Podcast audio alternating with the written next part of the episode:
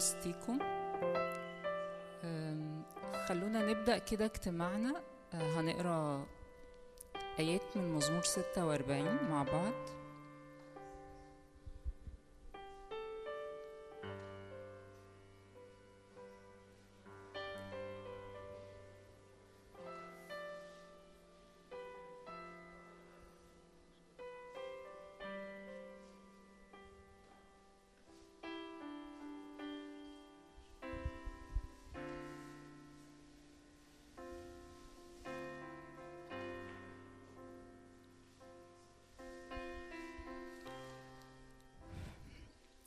لنا ملجأ وقوة.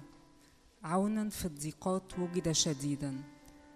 لذلك لا نخشى ولو تزحزحت الأرض ولو انقلبت الجبال إلى قلب البحار. تعج وتجيش مياهها تتزعزع الجبال بطموها. نهر سواقي تفرح مدينة الله. مقدس مساكن العلي. الله في وسطها فلن تتزعزع. يعينها الله عند إقبال الصبح. عجت الأمم تزعزعت الممالك. أعطى صوته ذابت الأرض. رب الجنود معنا ملجأنا إله يعقوب. في المزمور بيتكلم إنه الدنيا هايجة بره وجوه. في الأرض بتتزعزع الجبال بتتقلب المية مرتفعة إلى أقصى حد حتى الممالك والشعوب كلها متزعزعة كلها فيها دوشة في حروب. لكن وسط المشهد ده في مشهد تاني مختلف خالص. في الترجمة العربية المبسطة كده يجي في ال في الآية نمرة أربعة وبيقول هناك نهر وكأنه بياخد كل اللي حاصل بياخد عينينا من على اللي حاصل لمشهد تاني مختلف. في نهر والنهر ده ليه روافد والروافد بتاعته بتجري في كل المدينة المدينة السماوية. زي ما كان جون المرة اللي فاتت بيحكي لنا إنه في عالم موازي إحنا عايشين في العالم الموازي إحنا من العالم الموازي. وده اللي الرب اداهولنا إنه لينا مدينة المدينة دي ليها نهر والنهر ده الدنيا فيه مختلفة خالص عن كل اللي حاصل في الدنيا. الاقتصاد بينهار في حروب في أخبار بتقول مجاعات. الدنيا صعبة لكن إحنا عينينا في حتة تانية. النهر ده مش بس بيتكلم عليه هنا في مزمور 46 النهر ده لو رجعنا في أول الكتاب هتلاقيه في تكوين اتنين بيتكلم على النهر اللي بيخرج من عدن وبيسقي عدن ونهر ليه روافد. المشهد مختلف. عدن المكان بتاع اللذة والمسرة اللي الرب كان بيتقابل فيه مع آدم. إحنا كمان الرب بيقول علينا إنه لذته مع بني البشر لذته معانا. إحنا عدن بتاعت الرب فالنهر ده بيعدي. جوانا. ونلاقي كمان في المزامير بيقول كده وانت ماشي في السكة من النهر يشرب في الطريق لذلك يرفع الرأس. فلو جينا في وقت حسينا إنه راسنا خلاص وقعت من التقل اللي حاصل سواء من ظروف خارجية أو من حاجات حاصلة جوانا في نفسيتنا فلينا إن إحنا نجري على النهر ونشرب منه وراسنا تترفع. ونقرأ كمان عن النهر في سفر الرؤيا وفي آخر إصحاح. في رؤيا 22 بيتكلم على النهر نهر البلور اللي خارج من قدام العرش. فإحنا كل اللي إحنا جايين نعمله النهارده إن إحنا نسيب الروح ياخدنا ويحملنا للعالم الموازي وندخل كلنا قدام العرش ونقف ونخلي النهر ده يجي علينا بكل حاجة. يجي يغمر يجي يغسل يجي يطهر يجي يشفي يجي يحرر. كل حاجة متاحة وموجودة لينا في النهر. بس النهر ده خارج من العرش. فاحنا بندخل للعرش ونقف ونسيب النهر ده ونسيب الرب الروح يحملنا ونسيبه يتحرك فينا بكل حرية. فكل حاجة دوشة بره تسكت وكل دوشة جوه كمان تسكت جوانا. يا روح الله تعالى خدنا لقدام العرش. خدنا في مقابلة مع أبا الآب مقابلة وجها لوجه مقابلة نكون بنتغير فيها مقابلة نكون صورتنا بتتجدد لصورة يسوع باسم يسوع.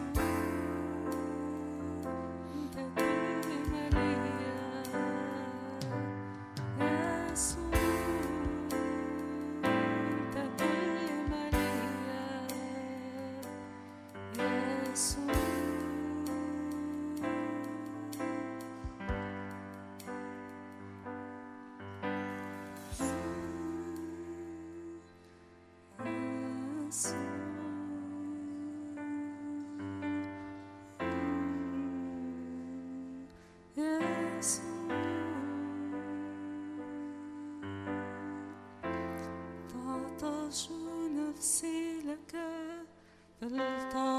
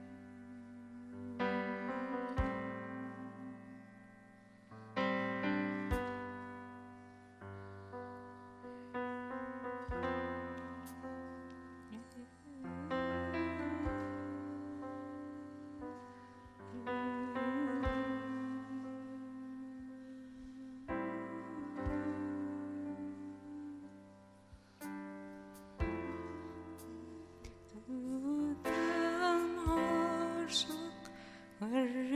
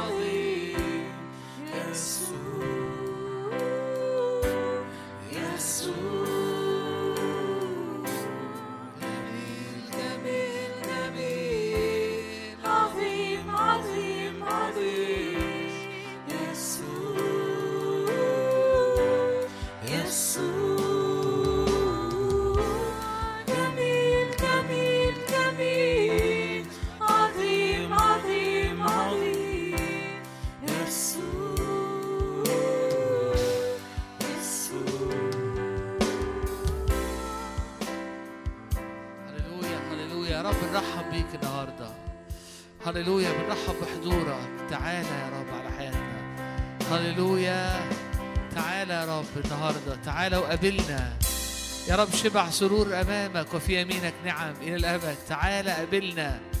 لأنك أنت يا رب أنت الصخرة اللي حياتنا تتبني عليها. أنت النار يا رب اللي اللي فيها فيها آه، دفى اللي فيها آه، قوة اللي فيها اشتعال اللي بت... اللي بتاكل كل برودة اللي بتاكل كل آه، عدم إيمان اللي بتاكل كل اكتئاب اللي بتاكل كل كل روح منحنية اللي بتاكل كل تحديات في النفسية. أنت النار يا رب إلهنا نار أكلة هللويا. بنشكرك يا رب لأنه مكتوب الملك الملك البعيد قوي. قال قال كده هوت الآيات والعجائب التي صنعها. قال معي الله العلي حسن عندي أن أخبر بها. يا رب نشكرك لأنك إله عجائب يا رب. نشكرك لأنك إله قوة. بنشكرك لأن أنت إله جبال. وإله يا رب آه، وديان أيضا. قالوا قالوا انتصروا في الجبل لأنه إلههم إله جبال. آه، مش هينتصروا في الوادي. وناس تانية تقول لك آه، آه، الرب ينفع في الحاجة الفلانية ما فيهاش حاجة علانية إله أودية وإله جبال. الرب قادر. الرب قوي. الرب أقوى. إلهنا في العلا أقدر. هللويا. يا رب نعبدك يا رب نتلف حواليك يا رب لأنه يا رب لما بنيجي قدامك يا رب أنت بتيجي في المكان. حضورك يا رب يغير الدنيا حضورك يا رب بيلهب القلب. حضورك يا رب حضورك يا رب بيغير. هللويا هللويا. أتينا إلى جبل متقد بالنار أتينا إلى أورشليم السمائية أتينا هللويا لإله قوي. هللويا قادر أن يفعل أكثر جدا مما نطلب أو نفتكر. هللويا يا رب نرفع عينينا ليك. عوننا يا رب من حيث يأتي عوننا.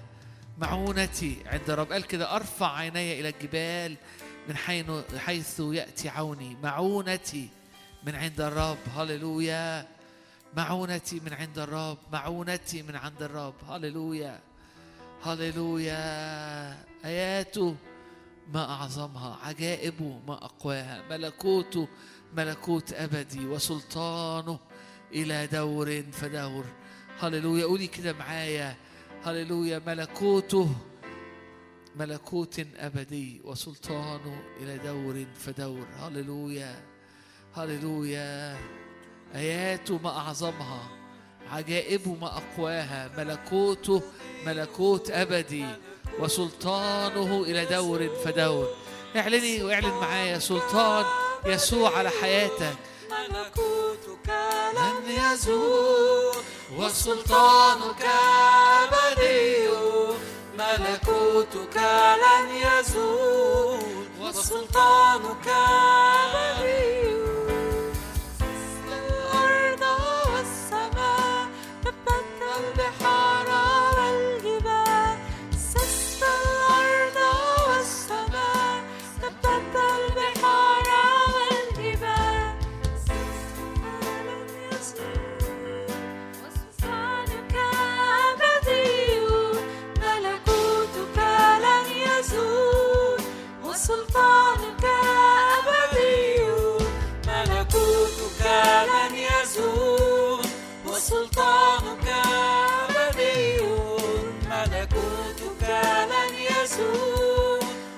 وسلطانك أبدي.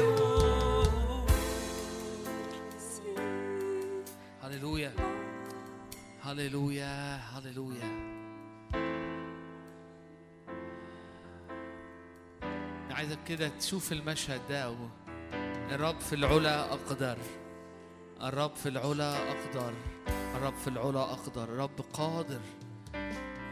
ملكوته ملكوت أبدي. وسلطانه ما لا يزول. آياته ما أعظمها عجائبه ما أقواها ملكوته ملكوت أبدي وسلطانه ما لا يزول.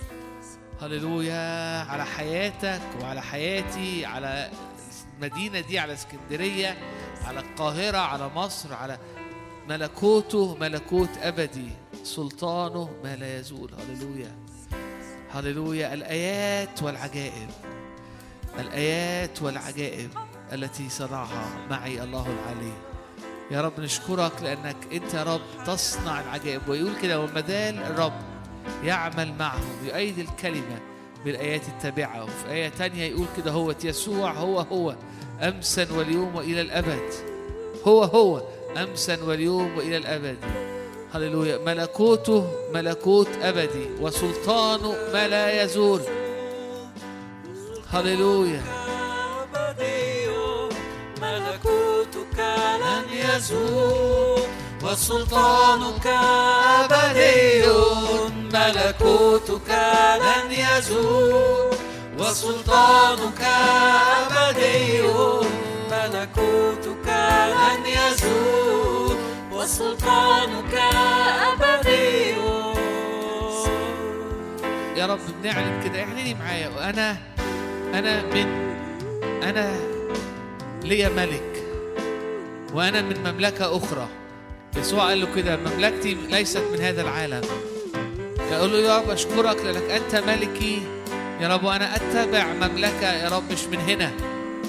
يا رب نشكرك لأنه يا رب السلطان اللي على حياتي. يا رب هو سلطانك. أنت تتسلط يا رب على حياتي. أنت ملكي. أنت ملك أموري. أنت ملك يا رب وأنت في العلا أقدر. هللويا. أنت المتسلط على حياتي. أنت يا رب اشكرك لأنه حياتي آية واعجوبه اشكرك لاني هارى إيدك بتتحرك يا رب وبتصنع آيات وعجائب في حياتي. أساس ملكك عدل واستقامة. كرسيك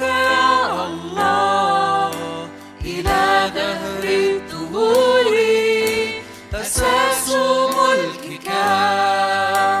عدل واستقامة. أنت القديم الأيام من الأزل للأبد أنت القديم الأيام من الأزل للأبد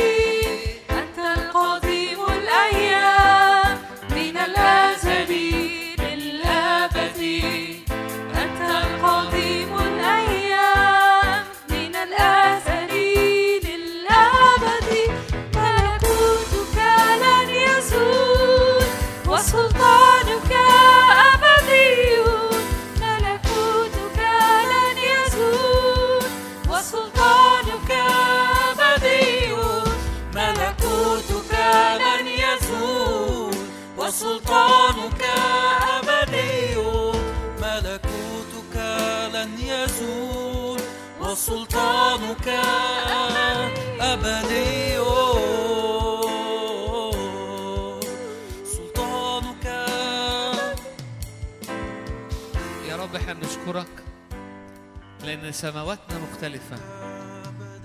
السماوات اللي فوقنا مختلفة. سماواتنا يا رب أنت فتحتها. منذ الآن ترون السماء مفتوحة. ملائكة الله صاعدة ونازله على ابن الإنسان. يا رب نشكرك إنه سماواتنا مفتوحة. بنشكرك لأنه يسوع هو السلم. بنشكرك يا رب لأنه يا رب وضعت يا رب في قلوبنا الأبدية. بنشكرك لأن قوانيننا مختلفة. بنشكرك لأن مشوارنا مختلف. بنشكرك لأن سيرتنا مختلفة. يقول الكتاب أن سيرتكم هي سماوية. هللويا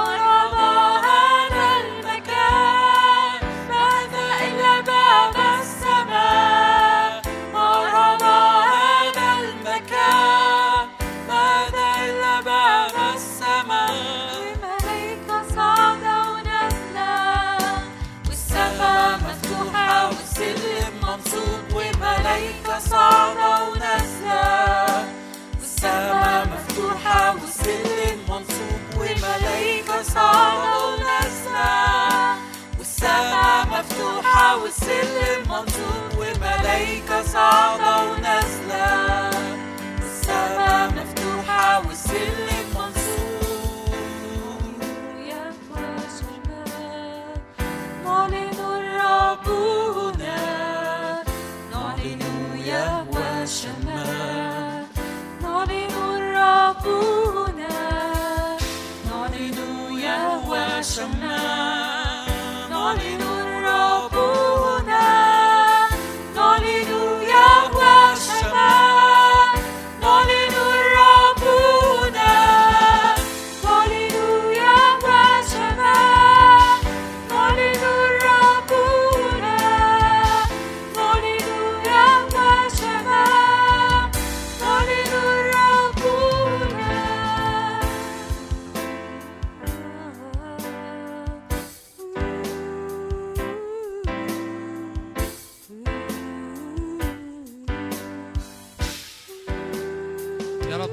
سيادتك على الاجتماع النهارده. يا رب نعلن حضورك يا رب في وسطنا. يا رب بنتوجك ملك هللويا. يا رب في أنت في العلا أقدر أنت يا رب إله عظيم يا رب. يا رب بنعظمك بنعليك بنمجدك بنرفعك هللويا. هللويا هللويا هللويا. صوت المجد والقوة والخلاص والهتاف في خيام الصديقين. هللويا هللويا صوت المجد صوت الهتاف صوت الترنم في خيام الصديقين هللويا هللويا اشكرك لأنه يهوذا يعني تسبيح يهوذا يعني هتاف وتسبيح هللويا هللويا بنعظمك يا رب نسبحك هللويا هللويا صوت ترنم وخلاص في خيام الصديقين صوت ترنم وخلاص في خيمتي الرب ملكي ورافع رأسي يجدد كالنسر شبابي. هللويا. الرب ملكي. الرب في العلا أقدر. هللويا. الرب في العلا أقدر. الرب في العلا أقدر. كانت مصر كلها في الظلام أما أرض دسان جسان فكانت مليانة نور. هللويا. كانت مصر كلها في ظلام أما أرض جسان كانت مليانة نور. هللويا. قال كده لموسى أفرق بين شعب بين شعبي وبين شعب مصر. يرى فرعون الاختلاف. يقول كان ظلام دامس محدش عارف يرفع ايده. أما في أرض جسان فكان نور. هللويا. أشكرك يا رب لأنه ده اللي أنت عايز تعمله يا رب في حياتنا السنة دي. نور خير شبع اختلاف. في اسم يسوع. آمين.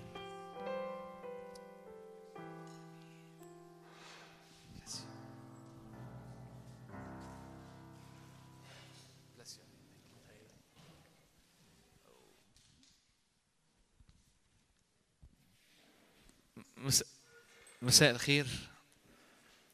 اولا عايز احييكم وعايز آه، فعلا آه، احييكم جدا انكم جيتوا في المطرة. وفي السقعه والاجتماع كونه في وسط الأسبوع already ده تحدي لوحده. إنك تنزل أنا عارف اسكندرانية ما بينزلوش يعني كتير قوي وسط الأسبوع. ف... فده تحدي already لوحده. ثانيا النهارده رعد ومطر والشوارع غرقانة و... فأنا بس بحييكم وفعلا غالي قوي ان إنك تيجي طالب الرب في أوقات أو في يعني إنك ما كسلتش إنك نزلت في أجواء آه، أصعب. فده غالي. الذبيحة لما كل ما تبقى بثمن أعلى كل ما تبقى أغلى قيمتها. الست اللي قدمت فلسين كانوا كل عندها كانت ثروة قدام الرب أكتر بكتير من الغني اللي إدى لأن ده كان كل عندها. ال- الحاجة لما بتبقى آه، فيها تضحية كانت الذبيحة أو العطاء بيبقى غالي قوي فغالي قوي قوي على الرب نزولنا أو آه، مجينا في جو زي ده. زي ما هو غالي قوي قوي على الرب كل مرة بتصلي فيها وأنت مطحون. كل مرة بترنم فيها وأنت مش قادر. كل مرة وأنت مضغوط بترفع قلبك. غالي على الرب. ليه؟ لأنه المشوار أطول. التحدي أكبر. فرب يرى ويجازي. الرب يرى ويجازي. أنا متحمس يعني مبسوط قوي على النهارده رغم إن النهارده ما مشيش خالص زي ما أنا كنت متوقع. أنا قلت هاجي إسكندرية بدري أقعد شوية حلوين وكان عندي مشوار شغل صغير. الحقيقة ما عرفتش أقعد قوي. فهو أنا اتأخرت في الشغل وجيت متأخر. لكن متحمس برضو ليه؟ لأني عندي رسالة خاصة يعني ليها دعوة بالأوقات اللي إحنا بنعدي بيها. وكان بقالي وقت مشغول بيها. مش بتكلم على الآيات أو لكن المضمون اللي أنا هحكيه هو أنا مشغول بيه. هجيب لك أمثلة عنه من الكتاب هحاول أشرحه لك من الكلمة. إيه اللي أنا مشغول بيه بقى؟ أو إيه اللي أنا عايز أحكي فيه معاك؟ طبعا إحنا كلنا شايفين اللي حاصل في في في الدنيا حوالينا مش بس في البلد. الحرب في في أوكرانيا وروسيا حرب صعبة. روسيا وأوكرانيا البلاد دي هي أكبر بلاد آه، بتصدر قمح وبتصدر آه، حديد وبتصدر معادن غنية جدا للعالم. فالعالم كله متأثر. وقبليها كان في كورونا اللي ضربت الاقتصاد جامد. فاحنا طلعنا من الكورونا اللي فيها الاقتصادات الاقتصاديات كلها تعبت.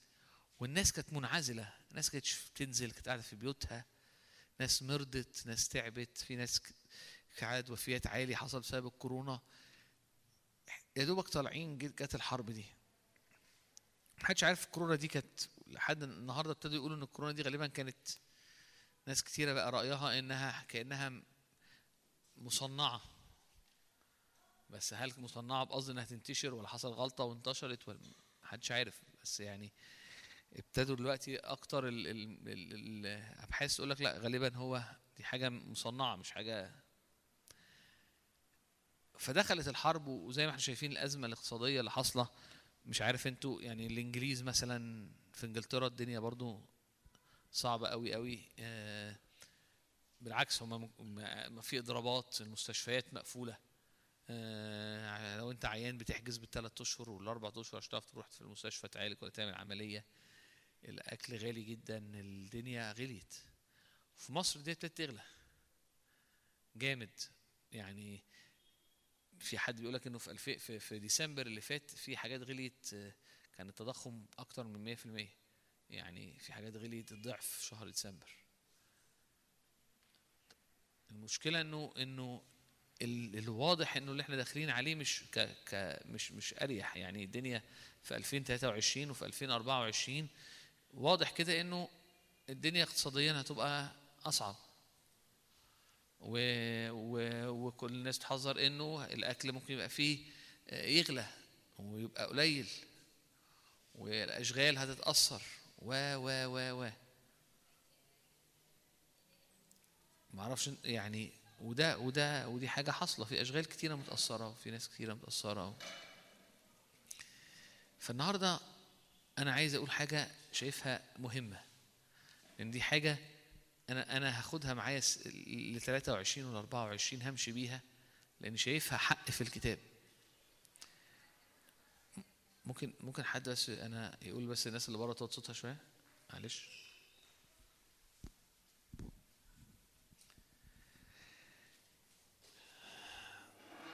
إيه إيه اللي أنا عايز أتكلم عنه؟ الكتاب اتكلم عن المجاعات. لو تفتكروا في وقت أو أو أو خلينا خلينا قبل ما اتكلم عن المجاعة خلينا نفت عايز أبص معاك على آية في مزمور 46 بيقول كده الله لنا ملجأ وقوة. وابتدت بيه ابتدوا بيه النهارده التسبيح في الأول. إحنا كناش متفقين إن إحنا هن هنقول نفس الحاجة وأنا كنت بقراه برضه. ف- فهم كانوا اون بالظبط. الله لنا ملجأ وقوة. عونا في الضيقات وجد شديدا. لذلك لا نخشى ولو تزحزحت الأرض ولو انقلبت الجبال إلى قلب البحار. تعج وتجيش مياهها. تتزعزع الجبال بتموها سلام. نهر سواقيه تفرح مدينة الله. مقدس مساكن العلي. الله في وسطها. فلن تتزعزع. يعينها الله عند إقبال الصبح. عجت الأمم تزعزعت الممالك. أعطى صوته ذابت الأرض. رب الجنود معنا. ملجأنا إله يعقوب. سلام.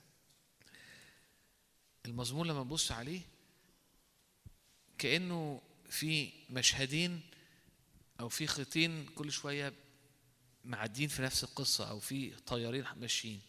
بيحكي بيقول إنه بيحكي ال- الجبال بتت... الأرض بتتزحزح الجبال بتنقلب في قلب البحار ال... ال... المياه بتعج وبتجيش الجبال بتتزعزع بتموها وهو ماشي في في الصورة اللي بتتكلم عن حاجات بتتزعزع وجبال بتقع والدنيا بتهيج وحالة فوضى وحالة تعب يقول لك في نفس الوقت إيه؟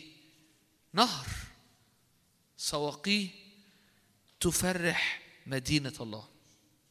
بيتكلم على مدينة أو على واقع في مدينة وبيتكلم على حتة تاني خالص واقع تاني خالص. بيتكلم على واقع أولاني موجود في الأرض بتعج وتجيش وفي والمياه بتجيش وفي إنه الجبال بتنطرح بتموها والدنيا مقلوبة. وبعدين وهو مكمل يبتدي يتكلم عن نهر. سواقيه تفرح مدينة الله مقدس مساكن العلي ويقولوا إن الله في وسط المكان ده فلن تتزعزع وإن الله بيعينها عند إقبال الصبح. وبعد كده يخش تاني وبيتكلم إن الأمم بتعج والممالك بيحصل لها شيكينج بتتزعزع. وازاي ان الرب أعطى صوته وان الأرض بتذوب فهو مشهد أو مشهدين ماشيين مع بعض. حالة أرض أو حالة أرضية فيها اللي هي بتتزعزع الممالك بيحصل فيها شيكينج الجبال بتقع الأمواج أو المية ب- بتعج أو البحار بتعج وبتجيش. وفي نفس الوقت نهر. نهر ماشي. مياهه بتفرح مدينة الله. الله في وسطها فلن تتزعزع.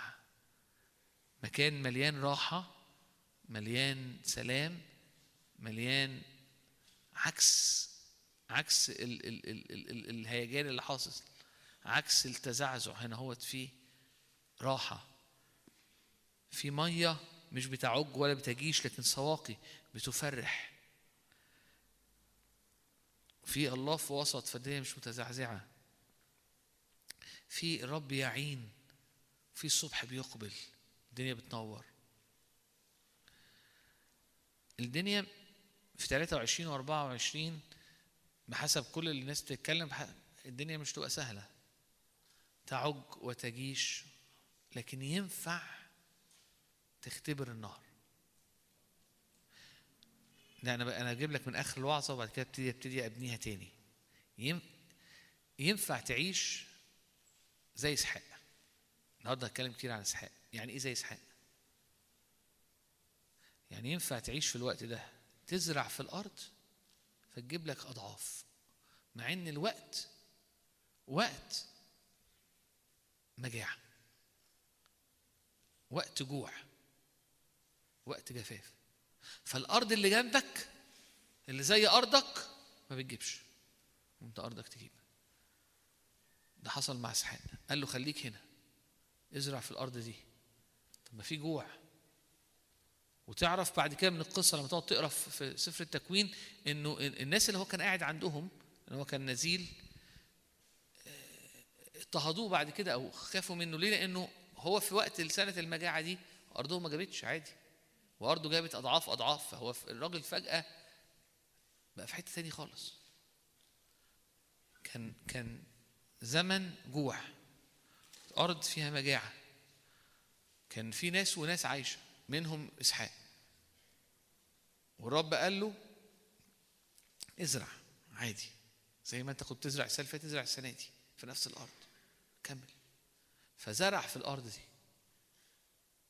الحصاد كانش ليه أي دعوة؟ باي حاجة طبيعية. كان أضعاف أضعاف. ده اختبار. كان في جوع. كان في سما ما بتمطرش كان في بلد مقلوبة. وكان في ست معهاش تاكل. فالدنيا عمالة تضغط عليها والدنيا صعبة. جالها إيليا. رب بعتها قعدت قعد هناك. من يوم ما دخل عندها وعملت شوية أكل كأنه آخر كعكة عشان تموت تاكلها وهي وعيالها أو هي وابنها وتموت لا اعملي لي. هنقرأ الآيات. إيه اللي حصل بعد كده؟ فضل سنين عايشين. في زيت وفي دقيق وفي أكل. رغم إن الدنيا حواليهم كانت مختلفة. فإيه اللي عايز أقوله؟ اللي عايز أقوله ان ينفع نعيش السنة السنين اللي جاية نختبر حاجات فوق الطبيعية. ليه؟ لأنه الرب راعية فلا يعوزني شيء. في مياه الراحة يردني صح؟ الرب بيقودني إلى مراعٍ خضر وفي مياه الراحة بيربطني. هو مسؤول عني. لو قلت لك كده وقفت هبقى. هتفتكر إن الموضوع اوتوماتيك هيحصل. لكن المواضيع مش بتحصل اوتوماتيك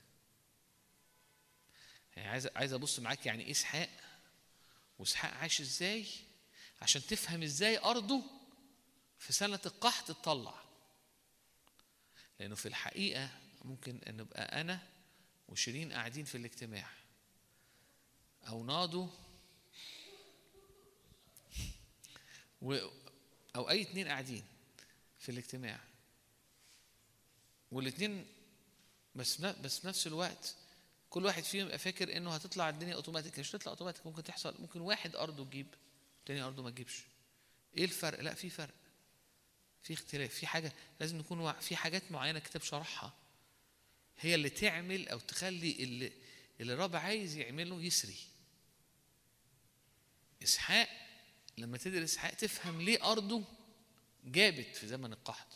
ده مش مش اوتوماتيك ليه أرض إسحاق هي اللي جابت؟ ليه أرض إسحاق؟ ليه ليه ليه الست دي هي الوحيدة اللي اتبعت لها إيليا؟ وليه لما اتبعت لها إزاي كان حاجة مختلفة إن هي تقبله؟ طبعا إحنا عارفين إنه لو در في أعمال الرسل حصل مجاعة في أورشليم. والكنيسة وقفت والناس ما جاعتش.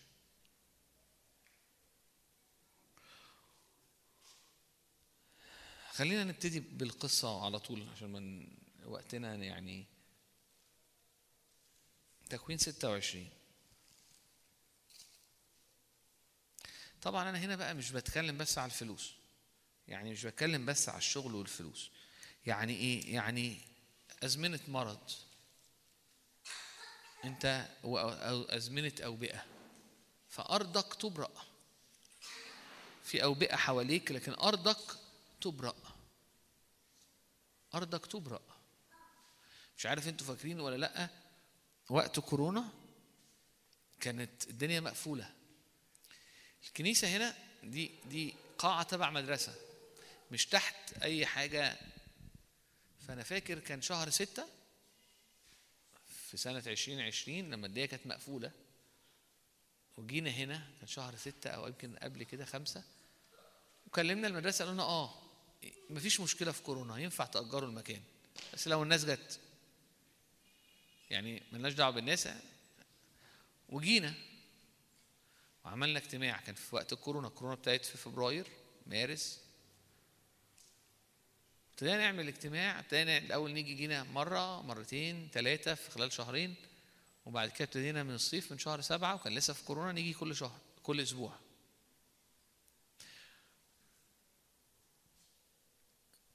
الناس كانت كان الناس كانت محبطة في كل حتة الاجتماعات كانت واقفة. و و. واللي حصل إنه إحنا إحنا ربنا كلمنا إنه لا محتاج الناس محتاجة سبورت الناس محتاجة الكلمة الناس محتاجة الرب الناس محتاجة العبادة. عشان عشان عشان النفسيه تترفع عشان يحصل آه، راحة عشان الناس تشفى عشان وعشان. فجينا ابتدينا نعمل اجتماع فاكرين؟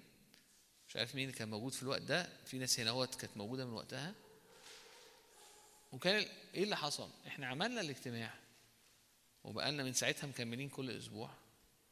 بس اللي عايز أقوله إن مفيش ولا حد من ال team اللي كان بيجي حصل له حاجة مع إنه كان وقت كورونا. أنا أنا مش قصدي أقول إنه ال team يعني ملوش ملوش حل. أنا اللي بحاول أقوله إيه؟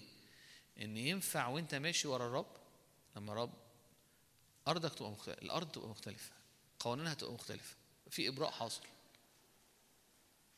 أنا أنا أنا كل مرة كنت باجي وقتها خصوصا مامتي كانت هتتجنن.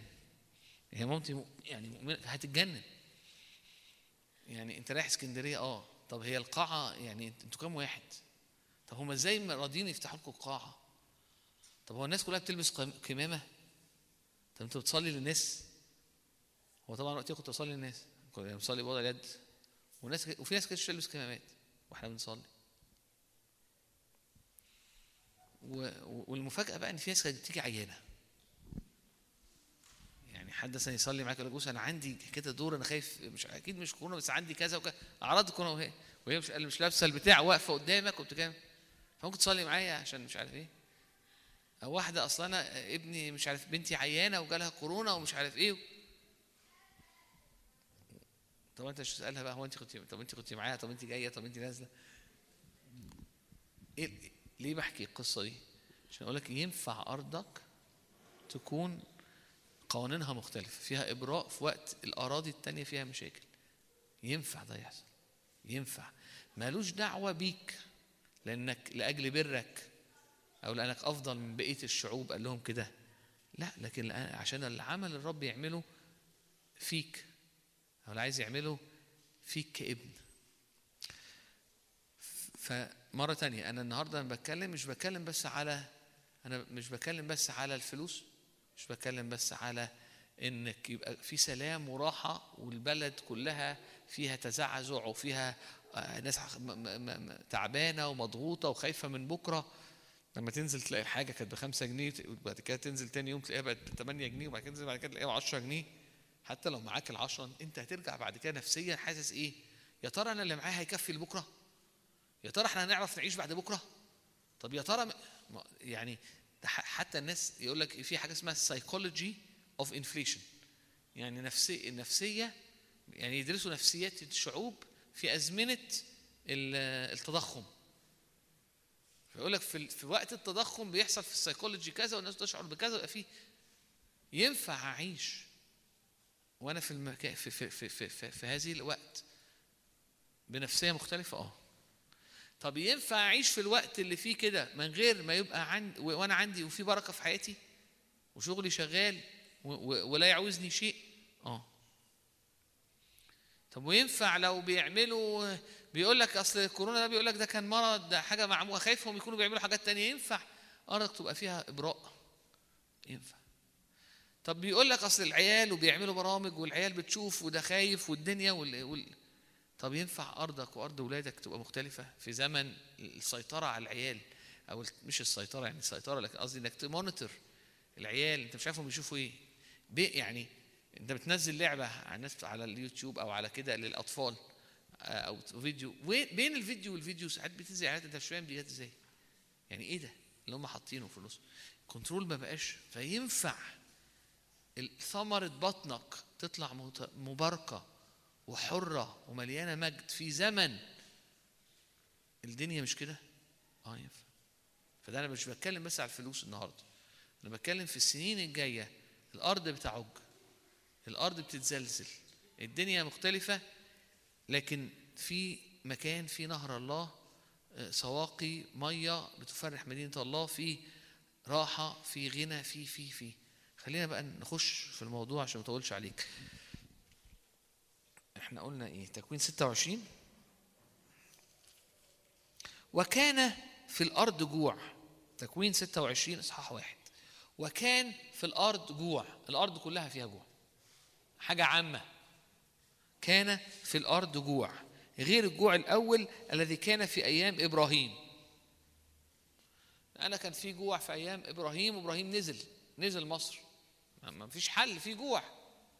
يعني المعجزة دي ما كانش قبل كده شافها قبل كده آه، إسحاق. مش حاجة متكررة.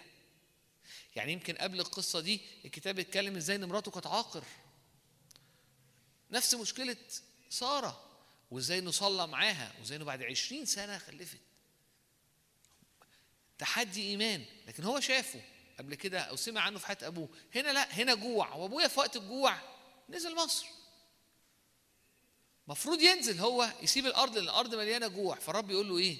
فحدث جوع في الأرض غير الجوع الأول الذي كان في آيام إبراهيم. فذهب إسحاق إلى أبي مالك آه، الفلسطيني إلى جرار. برضه هناك في الحتة دي برضه كان في مشكلة. تقول لي تعرف منين؟ أقول لك الأرض كلها كان فيها والحته دي كان فيها. لأن هو كان رايح هناك وناوي ينزل لمصر. وظهر له الرب وقال لا تنزل إلى مصر. اسكن في الأرض التي أقول لك. تغرب في هذه الأرض فأكون معك وأباركك. الأرض فيها جوع. اسكن فيها بس أنا هكون معاك. أنا هباركك. لأني لك ولنسلك أعطي جميع هذه البلاد. وأفي بالقسم الذي أقسمت لإبراهيم أبيك وأكثر نسلك كنجوم السماء وأعطي نسلك جميع هذه البلاد وتتبارك في نسلك جميع أمم الأرض. من أجل أن إبراهيم سمع لقولي وحفظ ما يحفظ لي أوامري وفرائدي وشرائعي. فأقام إسحاق هناك. أقام إسحاق هناك. بعدين في قصة فيها إزاي إنه حتى وسط الوقت اللي هو عايشه بالإيمان كان في حتة فيها عدم إيمان لكن عايز أعديها عشان الوقت. عدد 12 وزرع إسحاق في تلك الأرض. وزرع إسحاق في تلك الأرض. فأصاب في تلك السنة مئة ضعف. مئة ضعف. وباركه الرب. فتعاظم الرجل كان يتزايد في التعاظم حتى صار عظيما جدا. فكان له مواشي من الغنم ومواشي من البقر وعبيد كثير فحسده الفلسطينيين. وبيحكي بقى إزاي إنه أبار كتيرة كان كانت وقت أبوه إزاي إنه ابتدى يحفرها تاني لكن أنا هقف هنا. مرة تانية حصل جوع في الأرض. الأرض فيها جوع. فالرب قال له خليك في الأرض دي رغم إن فيها جوع. وأنا هكون معاك وأنا هباركك. ويقول الكتاب إنه زرع في الأرض اللي فيها جوع. كمل حياته كأنها فيهاش جوع. أنت في جوع في مشكلة فأنت بتزرعي. أنا خايف إن اللي أنا بحطه الزراعة دي برضو فيها ليها ثمن يعني أنت لما بتيجي تزرعي المحصول في في بتدفعي استثمار. فأنا بستثمر من وقتي وبستثمر من فلوس. في ارض في زمن فيه جوع. فزرع في الحتة اللي فيها جوع اللي فيها فيها مشكلة. وقعد سنة. أنت متخيل إن هو لما بيزرع هو بيقعد شوية هو هو خلي بالك ده زرع. يعني ده ده مش إيه؟ ده مش ماكدونالدز. فأنت بت- بتدفع بعديها بثلاث دقايق بيجي لك الأوردر. فلو أنت م- مش ضامن إيه اللي هيحصل هو هنعرف بعد ثلاث دقايق ده راجل بيزرع. يعني بيزرع وبيستنى. وبعد كده بيقل بيظبط الأرض وبيستنى. وبيسقي الأرض وبيستنى.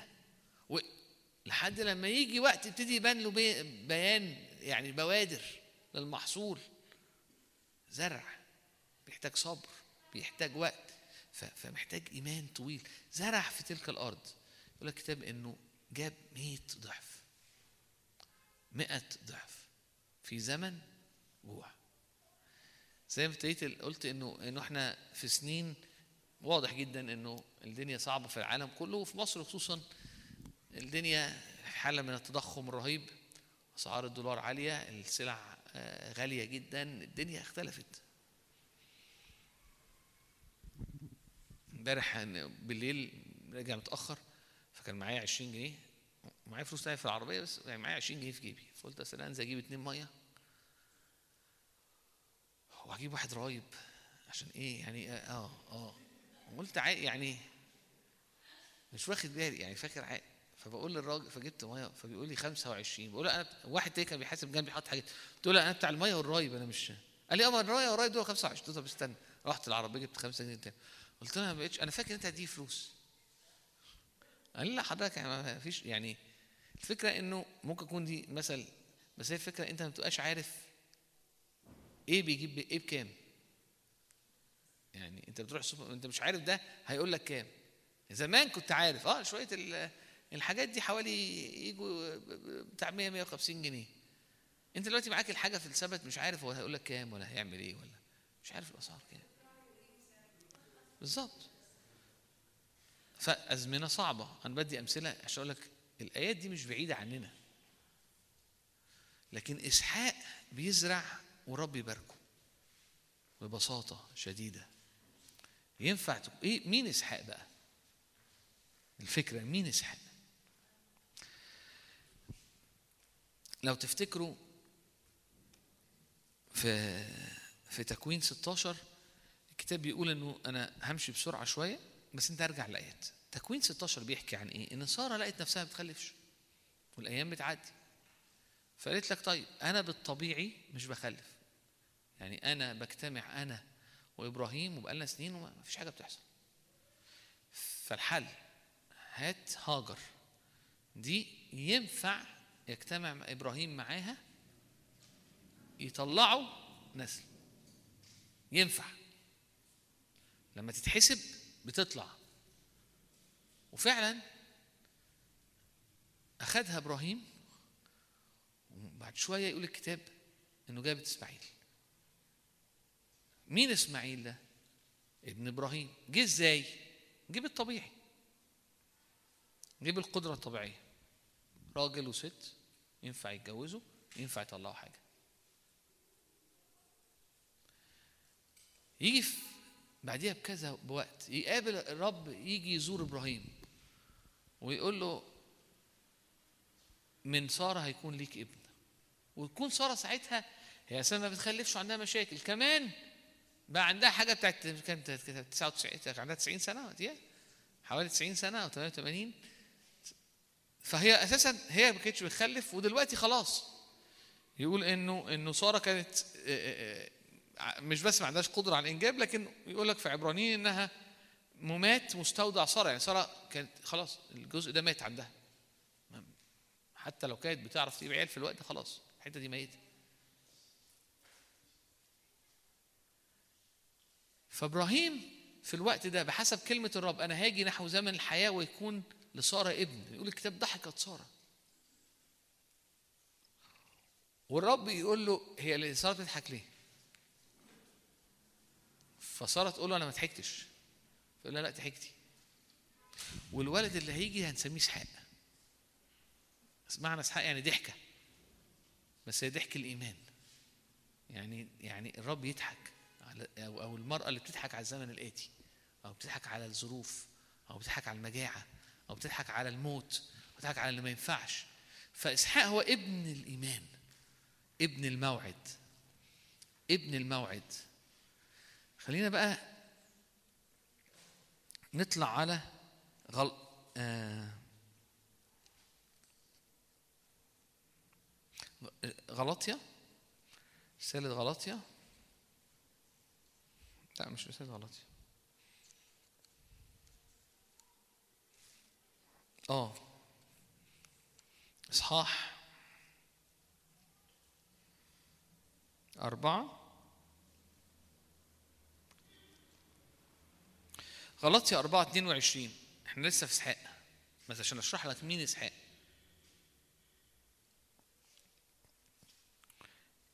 غلطية بيتكلم عن ال ال الإيمان. قصاد الناموس. الحياة اللي فيها أنا بعتمد على إني بعمل حاجات فبيبقى في مقابل بيجي لي فبقى مستحق. قصاد الحياة اللي فيها الرب بيجي ويبتدي يعلن عن مشيئته بكلمات فأنا بآمن وبعيش بالإيمان كنتيجة لعمل الروح القدس اللي عمال يشتغل جوايا. فده اسمه ابن الموعد. اللي هو ابن الإيمان. زي ما نفتكر إنه إنه آمن إبراهيم بالوعد إنه إن رب وعد إبراهيم نحو زمان الحياة يكون لساره ابن. آمن إبراهيم.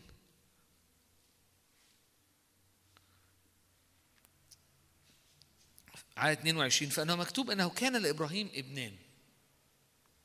واحد من الجارية والآخر من الحرة.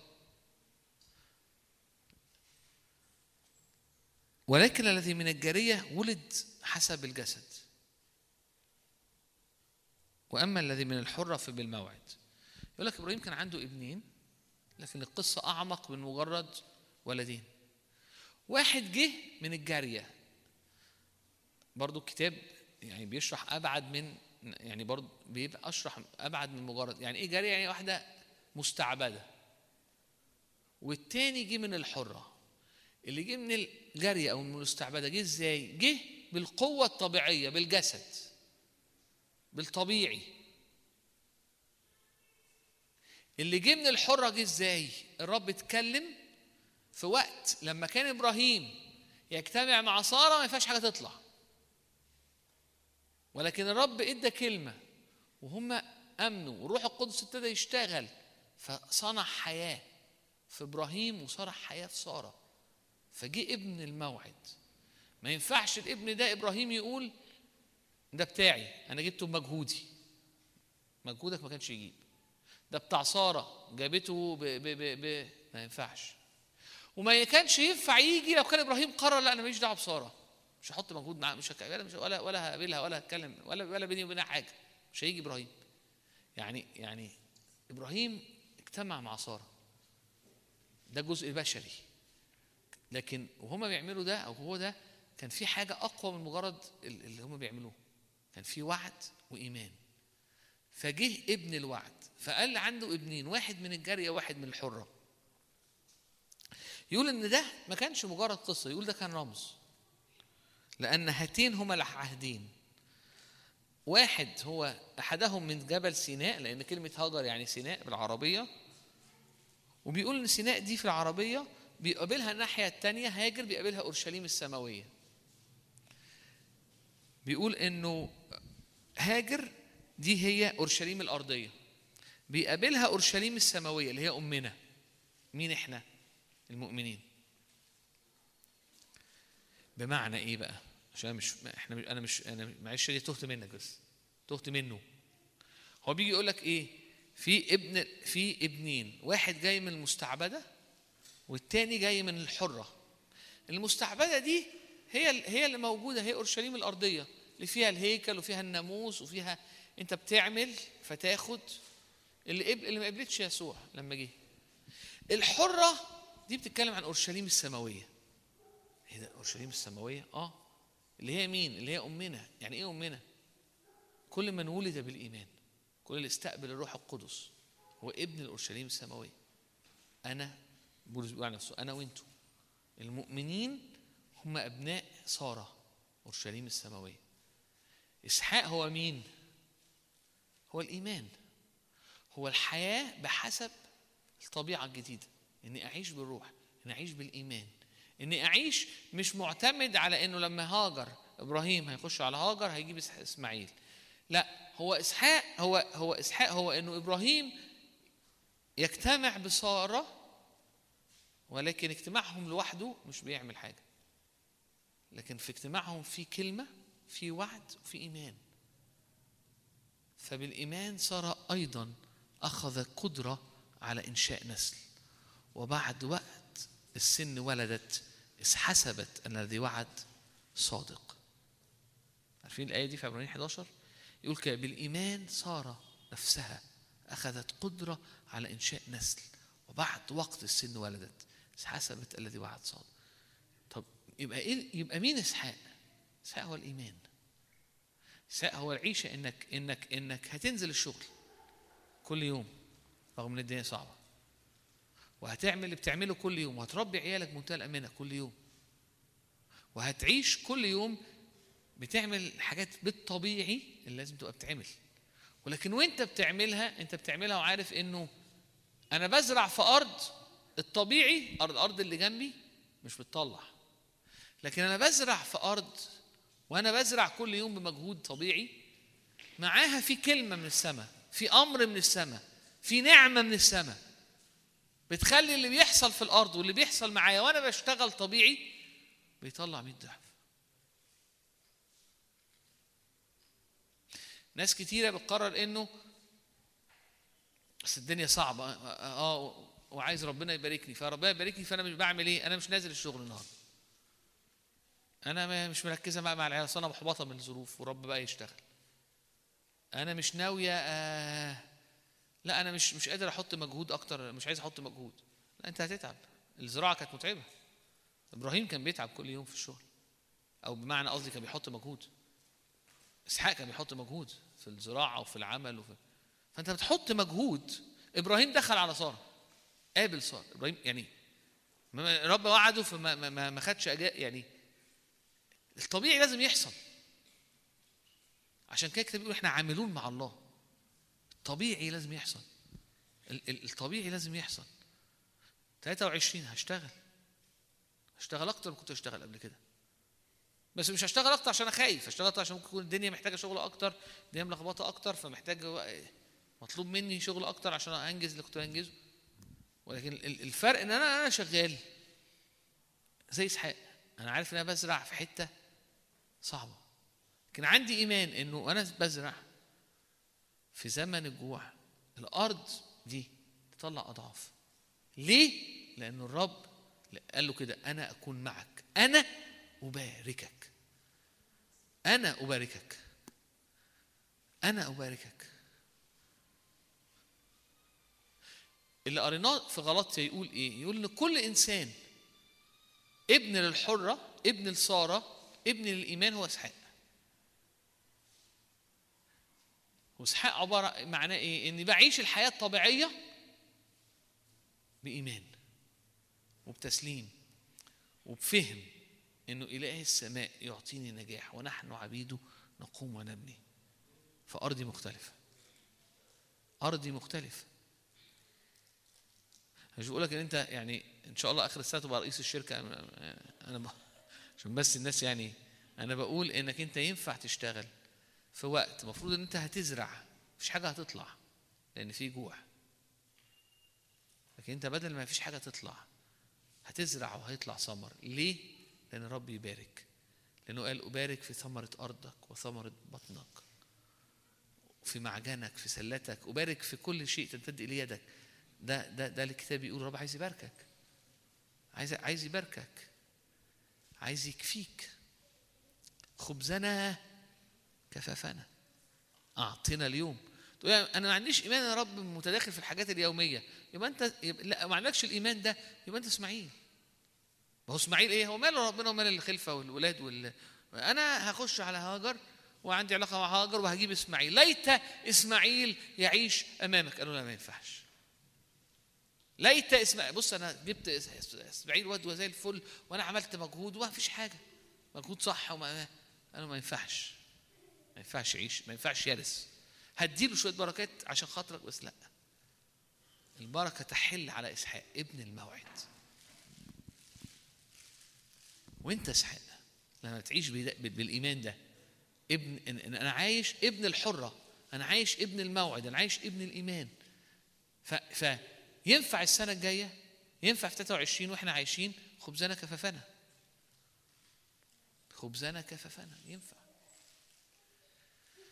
الاختبار في ملوك ملوك 17 ملوك الأول.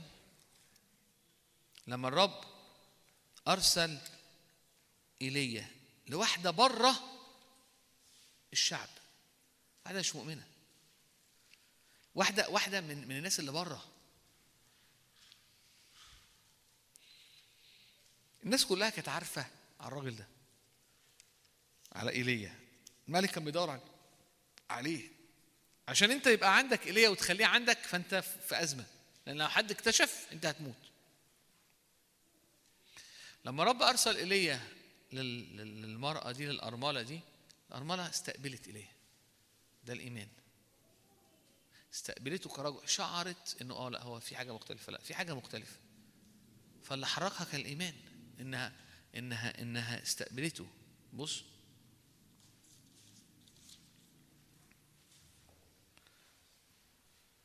فقام عدد 9 17 9 قم اذهب إلى الصرفة التي لصيدون. صيدون دي أرض بره أرض الموعد.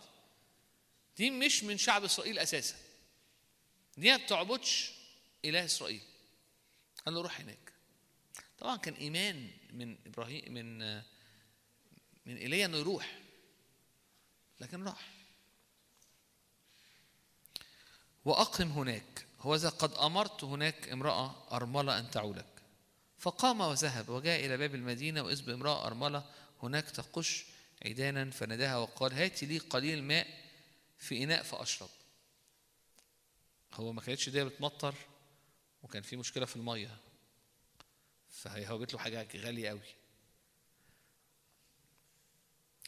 فراحت فيما هي ذاهبة لتأتي به ناداها وقال هاتي لي كسرة خبز في يدك. فقالت حي هو الرب إلهك. حي هو الرب إلهك. أنه ليس عندي كحكة ولكن ملء كف من الدقيق في الكوار وقليل من الزيت في الكوز. هذا أقش عودين لآتي وأعمل لي ولابني لنأكل ونموت. فقال تخافي ادخلي واعملي كقولي اعملي كقولك ولكن اعملي لي منها كحكة صغيرة أولا. اخرجي بها إلي ثم اعملي لك ولابنك أخيرا. لأنه هكذا قال الرب إله إسرائيل أن كوار الدقيق لا يفرغ وكوز الزيت لا ينقص. إلى اليوم الذي فيه يعطي الرب مطر على وجه الأرض. لأنه هكذا قال الرب إله إسرائيل أن كوار الدقيق لا يفرغ. كوز الزيت لا ينقص إلى اليوم الذي فيه يعطي الرب مطرا على وجه الأرض. دي معجزة ثانية. إن اللي عندي اللي المفروض ما يكملش بيكمل. والمفروض يخلص ما بيخلص. والمفروض يبوظ ما بيبوظ. الشعب كان ماشي في البرية لابسينه في رجلهم كمل معاهم. سنين. معجزة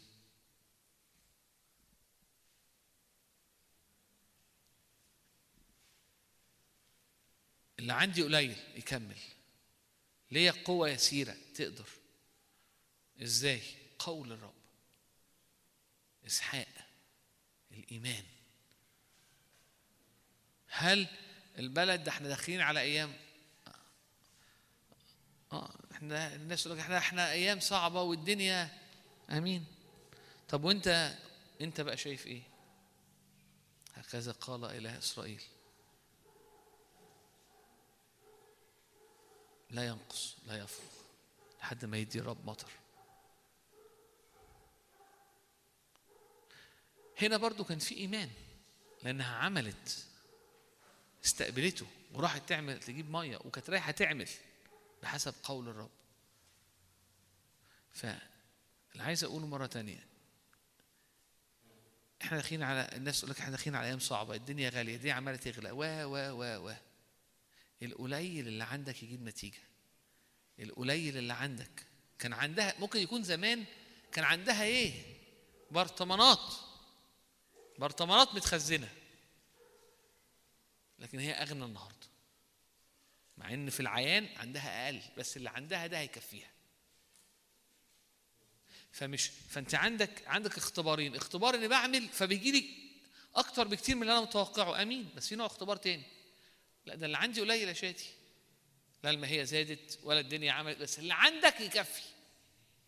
ويزيد. يكفي ويزيد. وتختبر بركة. وتختبر ده. وتختبر حماية وتختبر إن الأرض تكون مختلفة في إبراء في أرضك. الناس لا إحنا يا جماعة إحنا لما الواحد لما الناس لما بتعيا يعني بتحتاج تجيب شوية أدوية بتلاقي الاجزخانه مش عارف بكذا. في ناس بتبقى حاسة إنه أنا مش حمل عايه حتى لو عيا خفيف عشان ما تجيبش الاجزخانه عشان ما تدفعش كذا عشان الشهر يكمل. أمين. فالعيال ما تعياش الموسم الجاي. العيال ما تعياش الموسم الجاي فما تحتاجش تجيب أدوية. عيال تع- أول ما تكون يعني شم ريحة كده تصلي مع العيال عشان ما تخشش في عيا فما تحتاجش تجيب أدوية. فالدور اللي ماشي ما يجيش للعيال. ينفع؟ آه ينفع. آه ينفع. نؤمن ونصلي. نصلي. تقول لي فين ده؟ أقول لك كتير. أرض جسان كان آه، كان في ظلم على الأرض. أرض جسان كان فيها نور. كان في ضفادع في الأرض. مصر أرض جسان ما كانش فيها. قال لي رب أفرق بين شعبي وبين شعب مصر. ينفع ده يحصل؟ آه ينفع يحصل. يحصل إزاي؟ خلي عندك إيمان إنه رب ايا كانت طريقتك سواء أنا النهارده هزرع في الأرض هجيب أضعاف أو أو أنا الدقيق والزيت بتاعي ما ينقصوش ايا كان. بس أنا هعيش بالإيمان وهعيش عيني عليه وهعيش مليان إيمان. وهعيش مليان إيمان. ممكن أحكي لك عن اختبارات كتيرة. أنا يعني اختبارات كتيرة لناس كتيرة. حية وسطنا موجودة. عندها اختبارات في الفلوس غير غريبة. تقول لي يعني إيه اختبارات غريبة؟ يعني واحدة معهاش فعلا غير فاضل 200 جنيه في البيت. خلاص دي آخر فلوس. وبعد كده بتدور على حاجة تلاقي تلاقي تلاقي ورقة ب 100 جنيه ولا 200 جنيه تاني ما وهي عارفة إن المكان ده دورت 20 مرة على فلوس ما كانش فيه. ويتكرر اللي واضح الفلوس بتظهر في البيت ما تعرفش بتيجي منين. أنا مش بقول لك إن هي بتلاقي ذهب وألماظ أنا بقول لك إنه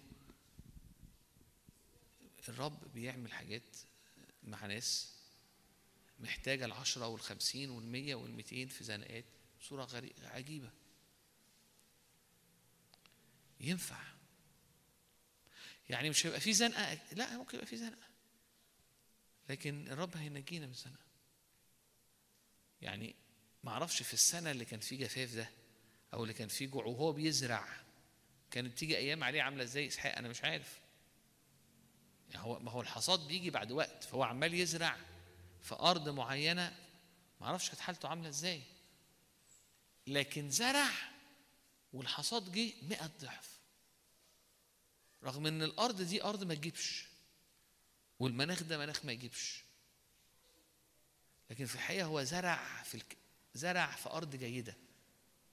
هي أرض الإيمان مش في الأرض العادية. فأنت بتزرع في أرض الإيمان تزرع في أرض الرب تزرع في أرض باركها الرب تزرع في أرض كلمة الرب في أرض الرب. يا رب قال له ارمي ازرع هنا. هو بيرمي الكلمة بيرمي اللي بيدرك انه رامي الكلمة في أرض الرب. لأنه أنت اللي قلت خليه في الأرض في دي أرضك. أنت معايا دي أرضك. ودي كلمتك وأنا بزرع هنا. فده إيماننا للسنة الجاية والسنة اللي بعديها إنه أرضك هي أرض الرب وحياتك بكلمة الرب. واللي يجي واللي يحصل في أرضك هو الرب بيعلن عنه بإيمان. إنه إنما راحة سلام شبع كفاية رب يكفيك خبزنا كفافنا اعطنا اليوم رب يحفظك من كل شر يضيء بوجهه عليك ويمنحك سلام طب وعيالي اللي اللي, يتحرك في أرضك وبارك هقرأ. خلينا نفتح تثنيه أحسن من ال...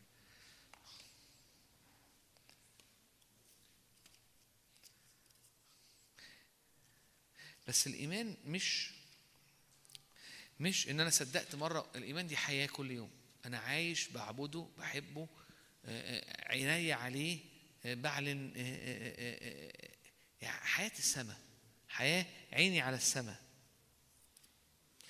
يقول لك كده بيتكلم هنا إنه لما الشخص يعيش سمعت سمع عن صوت الرب إلهك. يقول كده في تثنيه 28 مبارك تكون في المدينة. ومبارك تكون في الحقل. مبارك تكون ثمرة بطنك وثمرة أرضك وثمرة بهائمك نتائج بقرك وإناث غنمك. مبارك تكون سلتك ومعجنك. مبارك تكون في دخولك ومبارك تكون في خروجك. يجعل الرب أعدائك كل كل كل كل قوة كل كل آه، آه، حركة من إبليس القائمين عليك منهزمين أمامك. في طريق واحد يخرجون عليك لكن يهربوا في سبعة طرق يهربون أمامك. يأمر لك الرب يأمر لك الرب بالبركة في خزائنك وفي كل ما تمتد إليه يدك ويبارك ويباركك في أرضك التي يعطيك الرب إلهك. أمين. إيه الآيات؟ الرب يباركك. يعني إيه يباركني؟ يعني أرضك تكون أرض مختلفة. لأني أنا معك مش هو قال له كده؟ لأني أنا معك وأباركك. فممكن أبص على على على الظروف وأقول آه الواقع بيقول كذا كذا كذا. آه الواقع بيقول كذا. دي حاجة حقيقية. مزمور 46 اللي ابتدينا بيه. يقول إيه؟ الله لنا ملجأ وقوة. عونا في الضيقات وجد شديدا. ما بقولش إنه مش تيجي أوقات صعبة مش بقول إن في ما فيش ضيق لأ في ضيق. لكن الله لنا عونا وقوة. لذلك لا نخشى ولو تزحزحت الأرض ولو انقلبت الجبال في قلب البحار. تعج وتجيش مياهها.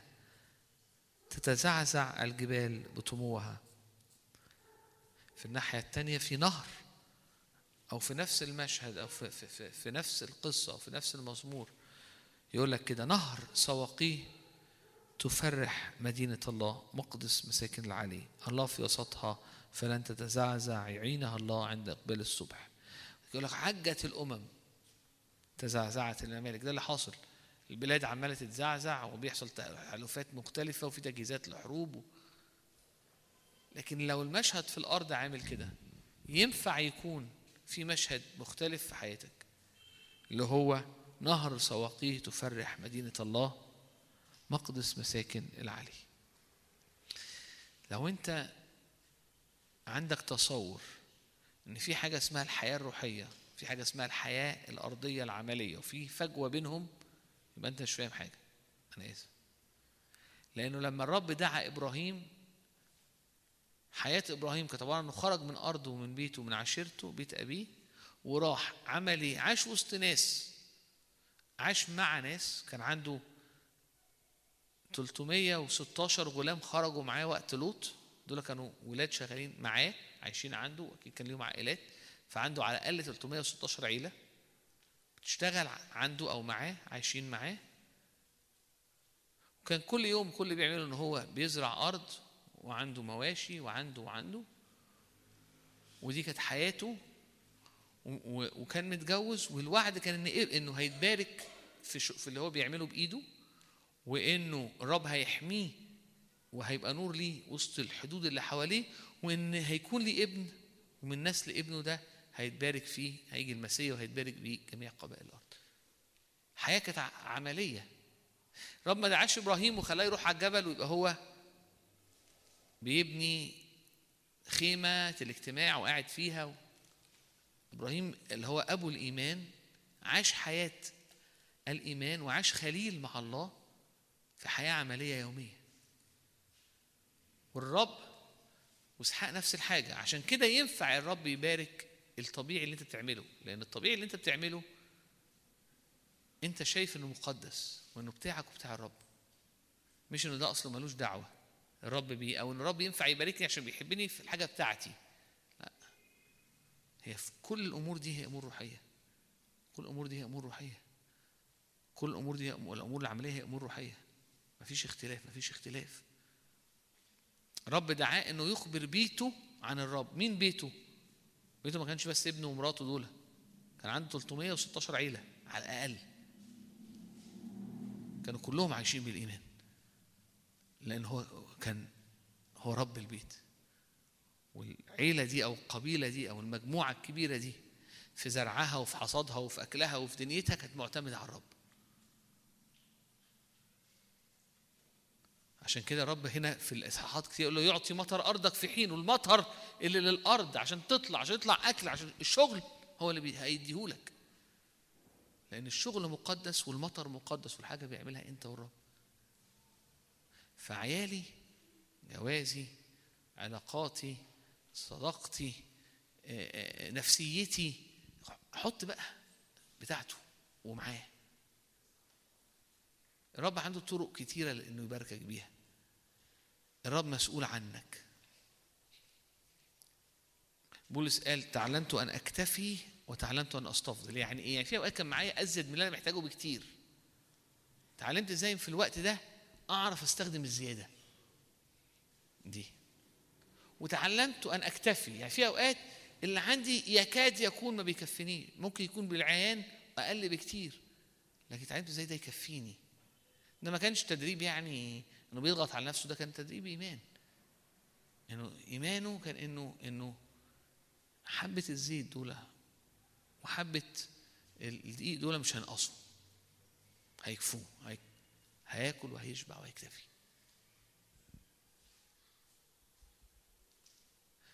ف في أزمنة أو في أوقات فيها ممكن بالنسبة لك تبقى حاجة غريبة. بس أنا بقول لك أنا أنا أنا مثلا من زمان كنت بسمع وعظات لراجل في, في إنجلترا بحبه قسيس بس الوعظات قديمة.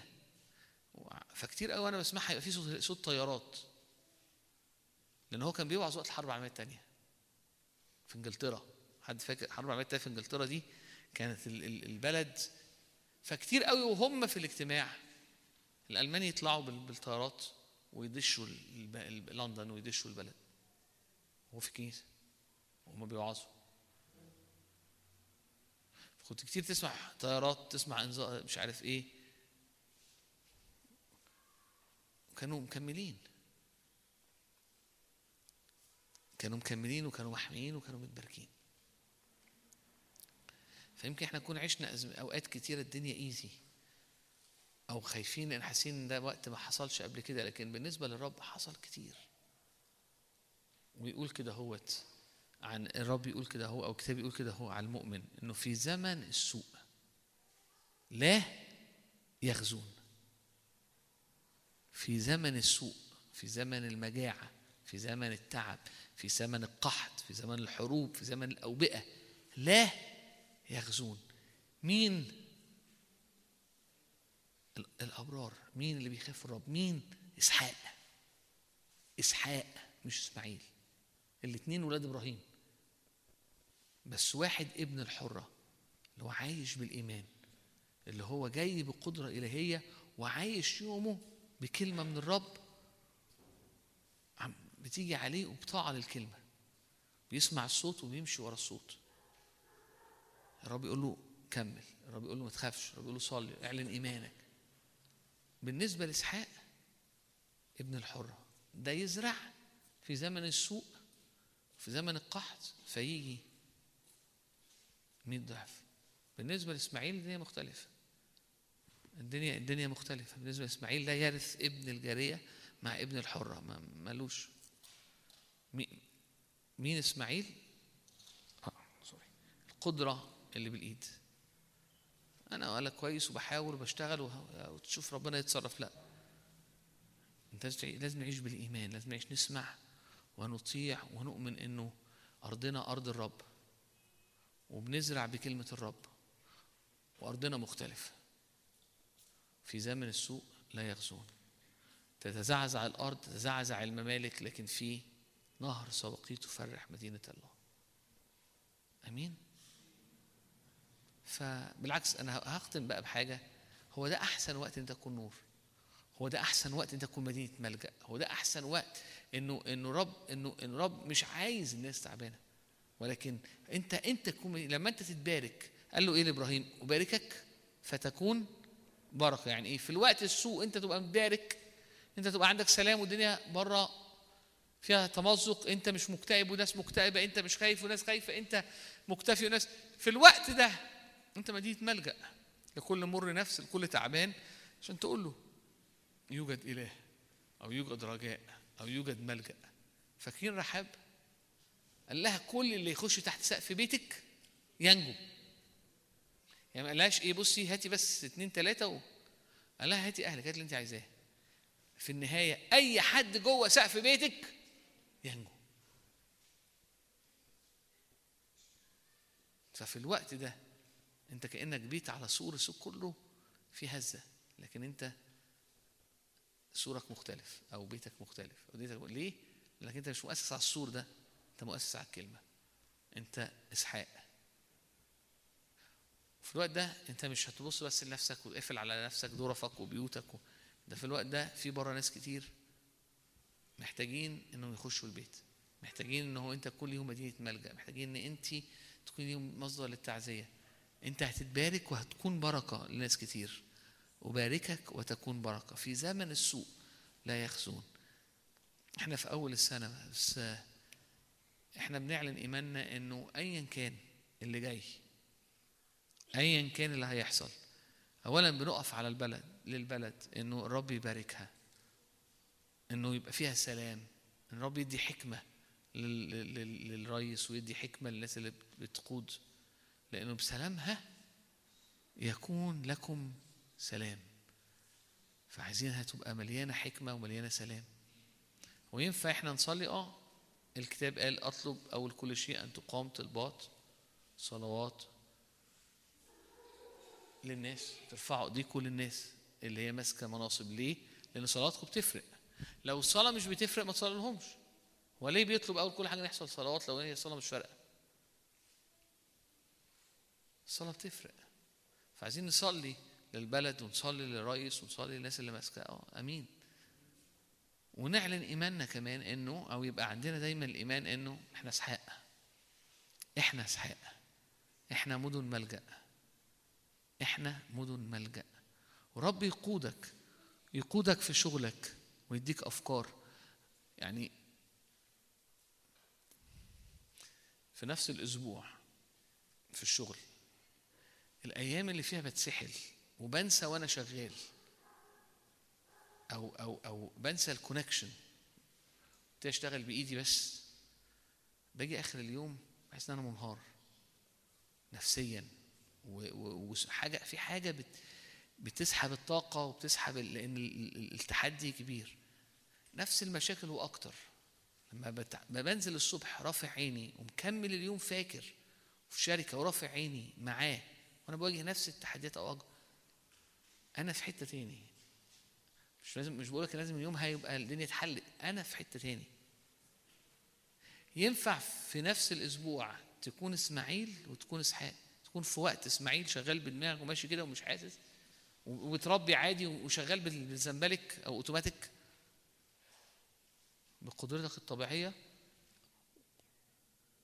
وفي وقت تاني تلاقي نفسك فقت فابتدي ت- ده جزء من التمرن. انت بتجرب تعيش بال- بالروح وبعد شوية نفسك حولت على الجسد. شوية بشوية كل شوية بتجيب تركيزك تاني انك تعيش يا رب لا أنا هعيش مركز. يعني إيه بالروح؟ يعني أنا مركز وأنا بتحرك ان يا رب حكمة. يا رب حكمة. يا رب آه، آه، فكرة. في أمور بتتحل بأفكار بأفكار من فوق. تحس هي جت منين الفكرة دي؟ جت منين الحتة دي؟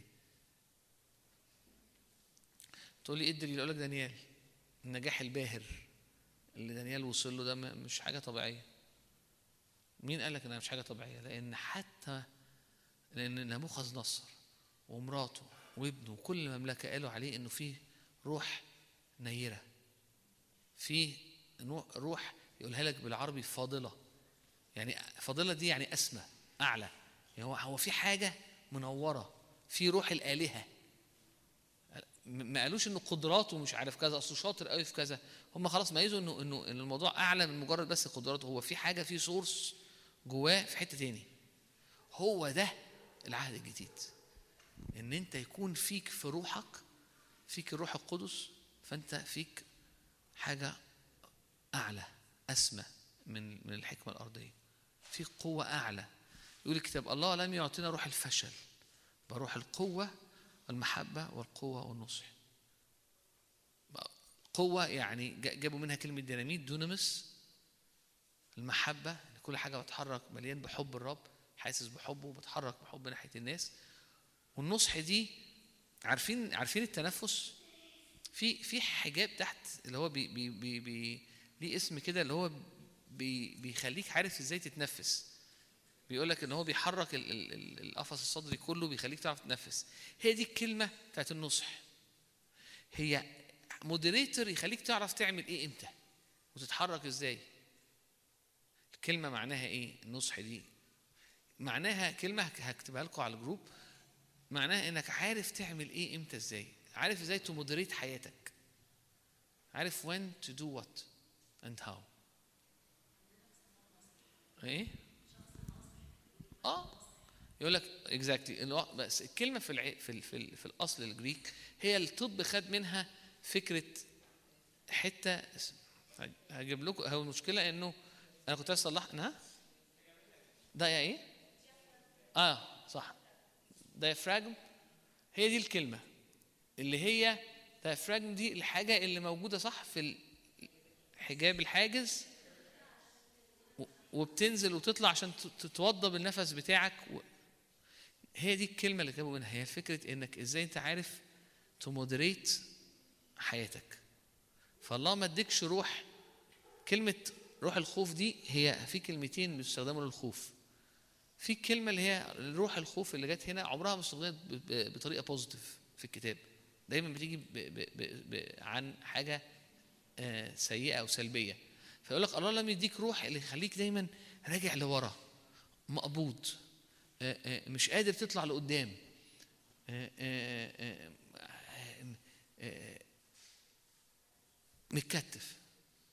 لكن اداك روح فيها قوة قوة إعجازية دونمس دونمس أو ديناميت. جابوا منها كلمة ديناميت. قوة خلاقة قوة ليها. ومحبة. الله محبة. فالطبيعة اللي انت تتحرك فيها طبيعة الله مليانة بحب الله مليانة بحب ناحية الناس فاللي مش بيحركك مش أي حاجة ملي... اللي يحركك هو نهر من المحبة. والنصح. قدرة على إنك تعرف ت... أنت ممكن تقول أنا مش عارف أهندل الحياة. الموضوع أكبر مني. الله أعطاك روح النصح. ما قالش روح النصح. روح القدس اللي جواك ناصح. فتعرف لما ترجع للروح لما تعيش بالروح تلاقي نفسك عارف تاخد قرارات في أمور مش لأنك عارف هي بتعمل إزاي بدماغك لكن إنك في حاجة بتقول لك ده أحسن هنعمله. ترتاح ليه وتفكر. وتلاقي الفكرة دي جت منين؟ مش عارف بس. آه مرتاح لها. واه صح. تمشي بيها تلاقي صح. تبتدي الناس حواليك يقولوا إيه الحكمة دي؟ إحنا كنا عارفينها. كيتش كده. لأنه إنسان الروح اللي فينا له فكر له قلب وله إرادة وليه مختلفة خالص عن الفكر البشري وله حكمة مختلفة خالص عن الحكمة البشرية لما بنعيش بالروح بنختبر حكمة الله آه، واراده الله المرضية الصالحة الكاملة أنا طولت عليكم؟ أنا طولت عليكم قوي لكن يعني حتى لو كنت طولت نفسي وأنت مروح تفتكر حاجة واحدة. ينفع في زمن السوء أنت ما تغزاش. ينفع في أزمنة الظلام أرض جسان يبقى فيها نور. ده مش بيحصل أوتوماتيك. ده ما بيحصلش لإسماعيل اللي هو ابن إبراهيم لكن ده بيحصل لإسحاق اللي هو ابن الحرة اللي هو ابن الوعد الشخص اللي عايش في حياته بيعيش بالإيمان بيسمع من الرب بيتحرك طول الوقت. فبيزرع في أرض الرب أو في أرضه كلمة الرب فبيجيب 100 ضعف. ينفع اللي عندك تحط فيجي لك كتير. وينفع إن الزيت اللي عندك والدقيق اللي عندك يبقوا قليلين وأقل من ما كان عندك قبل كده بس يكملوا معاك. فتتعلم إنك تكتفي تتعلم إنك تستفضل. في زمن السوق يبقى عندك فوقات زيادة فتعرف إزاي تدي تعرف إزاي تستخدمهم. وفي أزمنة السوق ساعات تحس إنك كأنك عندك قليل لكن الزيت وال- والقليل ده يكفي. فتقول أنا اتعلمت أكتفي. من غير ما أدوس على نفسي من غير حرمان من غير اكتئاب من غير تعب من غير. كنت شابا وقد شخت. ولكن اختباره كان إيه؟ إنه ما شافش واحد صديق رب تخلى عنه. أمين ولا إيه؟ أمين. في زمن السوء لا يخزون. أمين. إحنا هنعمل اجتماع صلاة صغير هنعلن إيماننا وهنصلي للسنة وهنصلي للحكمه من الروح وهنصلي إن إحنا نعيش بالإيمان و ونحط رجلينا كده على أرض ثابتة على أرض كلمة الرب. وبعلن إيماني إنه إنه من هنا يبقى في حاجة بتحركنا في الأيام الجاية والأسابيع الجاية. في كل مرة بتسمع خبر سيء في كل مرة فعلى طول دماغك تقول لك يا ترى هنعمل إيه؟ يا ترى أنا إيه؟ على طول تفتكر إنه أنا مش إسماعيل أنا إسحاق. الرب يقول إيه؟ آمين.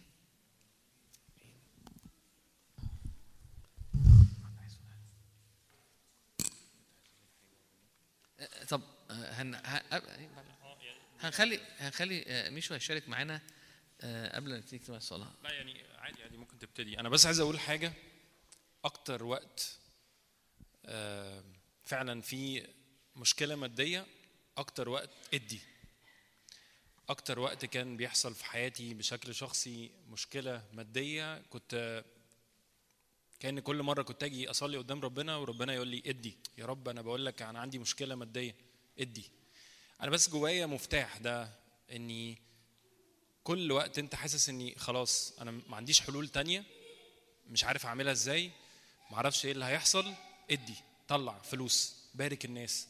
بارك. شوف ال- ال- الدوائر المحيطة ليك وحاسس إني أنا عارف ان الشخص الفلاني محتاج فلوس محتاج أكل محتاج افتح تلاجتك أنا بكلم جد افتح تلاجتك وشوف إيه الحاجات اللي عندك وما تقررش تخزن وتكوم وتقول إني يعني أصل أنا هخزن الوقت ده علشان أصل أنا مش عارف الوقت الجاي هيحصل إيه. لا بارك الناس. كل مرة هتبارك بأمانة بأمانة. هتتباركوا أضعاف أضعاف مم. ده حقيقي ده حقيقي أنا أنا أنا ده اللي أنا أنا ما كنتش عارف إن شادي هيتكلم عن ده وأنا جاي في الطريق وعمال ربنا يقول لي ادي بارك بارك وأنا حاسس يا رب بارك إيه؟ وكان جوايا كلمة عمالة تتردد قوي آه، أزمنة فرج أزمنة فرج. أنا عارف إن كل العيان زي ما كان شادي بيحكي مش ألطف حاجة لكن يعني جربوا الوقت اللي جاي اختبار إني تاخدوا من اللي أنتم محوشينه على جنب ايا كان إيه هو؟ أكل شرب ايا كان هي فلوس وقرر بارك. بس أمين. أمين. هو فعلا قال لها إديني الأول. و... وهي كانت هتديه اديته الأول. رب باركها. هللويا هللويا هللويا. آه، تقريباً أنا قفلته؟ ممكن صوت في. هللويا.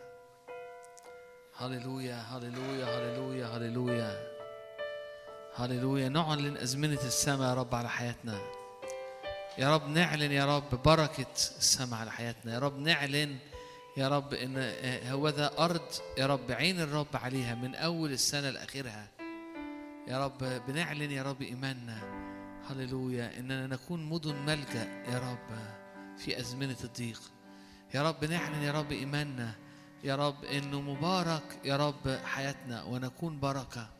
يا رب عيالنا يا رب يطلعوا يا رب يتباركوا. يكونوا يا رب كصورة ابنك يا رب ويكونوا بركة ويتباركوا. يا رب نعلن يا رب إنه يا رب كلماتنا هتبقى مملحة بملح يا رب عشان تدي نعمة للسامعين. يا رب هنعلن يا رب إنه سلام كنهر يا رب تدير عليها يا رب سلامك كنهر. هللويا. يا رب حياتنا تتملي بسلام وبراحة يا رب وبأفكار يسوع. يا رب املانا بالكلمة املانا بالكلمة املانا بالكلمة املانا بالكلمة يا رب. فنعيش يا رب للملكوت يا رب. مكتوب اطلبوا أولا ملكوت الله وبره. اسعى في أثر البر. اسعى في أثر حضور الرب. وكل هذه تزاد لكم. هللويا. هللويا هللويا هللويا هللويا أنهار بركة أنهار نعمة. هللويا خبزنا كفافنا أعطنا اليوم. هللويا يفرق الرب بين أرض جسان أرض النعمة وبين أرض مصر. يكون نور يكون ظلام في مصر ويكون نور في جسد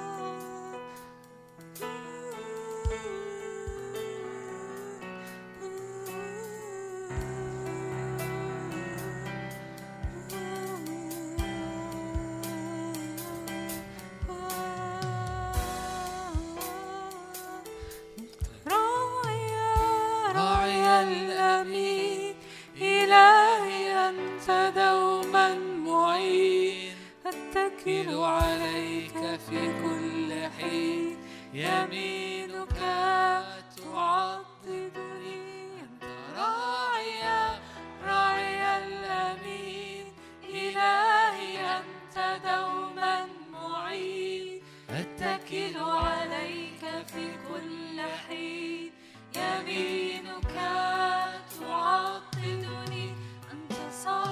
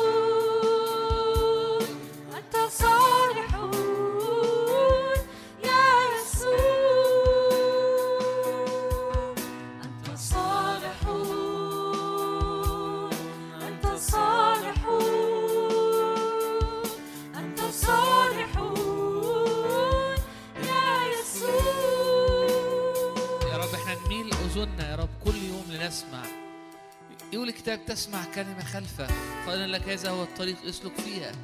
يا رب إحنا نميل اذاننا كل يوم يا رب لنسمع. يا رب ونفتح عيوننا يا رب وإنت تفتح كمان عيوننا. تعطينا يا رب أذانا للسمع يا رب لنرى ونبصر ونسمع ونفهم. يا رب فنحيا يا رب أيام السماء على الأرض. هللويا. يا رب ننظر جمالك ننظر مجدك ننظر برك يا رب. نسمع يا رب صوتك نسمع حقك نسمع يا رب أمور أنت عايز تتكلم عنها وتتكلم فيها. يا رب نشكرك لأن يا رب بسماع صوتك يا رب وبرؤياك يا رب وبالسير وراك يا رب بنعيش يا رب في حالة مختلف في يا رب حقيقة مختلفة. هللويا. يا رب بنعيش في واقع مختلف بنعيش في أرض جساد بنعيش يا رب في أرض يا رب تفيض لبن وعسل بنعيش في أرض يا رب نزرع فيها في أزمنة. العالم بيمر في ضيق وجوع ولخبطة وتزعزع و... و... و... ورعب و... فنأتي بمئة ضعف بنحيا بأزمنة يا رب نعيش يا رب وأحشائنا. يبقى في صحراء بره وفي يا رب جنة جوه. يبقى في زعزعة بره وفي صلابة و... وأمان أوقات جوه. يبقى العالم مليان آه، آه، آه، عدم فهم. وانت مليان سلام بيحفظ قلوبك وأفكارك في المسيح يسوع. في أزمنة زعزعة انت في كثرة أمان. في أزمنة خوف انت عندك يقين. في أزمنة جوع انت تزرع. فتأتي أرضك بمئة ضعف. في أزمنة مجاعة ومفيش مية أنت بتعطي الله وبتعطي حواليك المية. عطاء. في أزمنة جفاف أنت بتدي مية. في أزمنة جفاف إحنا بندي مية. في أزمنة جوع إحنا بنصنع الكحكة. هللويا. إن سرت في وادي ظل الموت. نفسي نقولها تاني يمكن السنة الجاية الأخبار ما تتغيرش قوي يمكن السنة الجاية برضو الاقتصاد ما يظبطش لسه قوي يمكن السنة اللي إحنا فيها يبقى ال- ال- ال- ال- الدنيا حوالينا مختلفة. يقول الكتاب إن سرت في وادي ظل الموت لا أخاف شرا. قال له كده ازرع الأرض دي اسكن فيها وازرعها لأني أكون معك أنا أباركك سرت في وادي ظل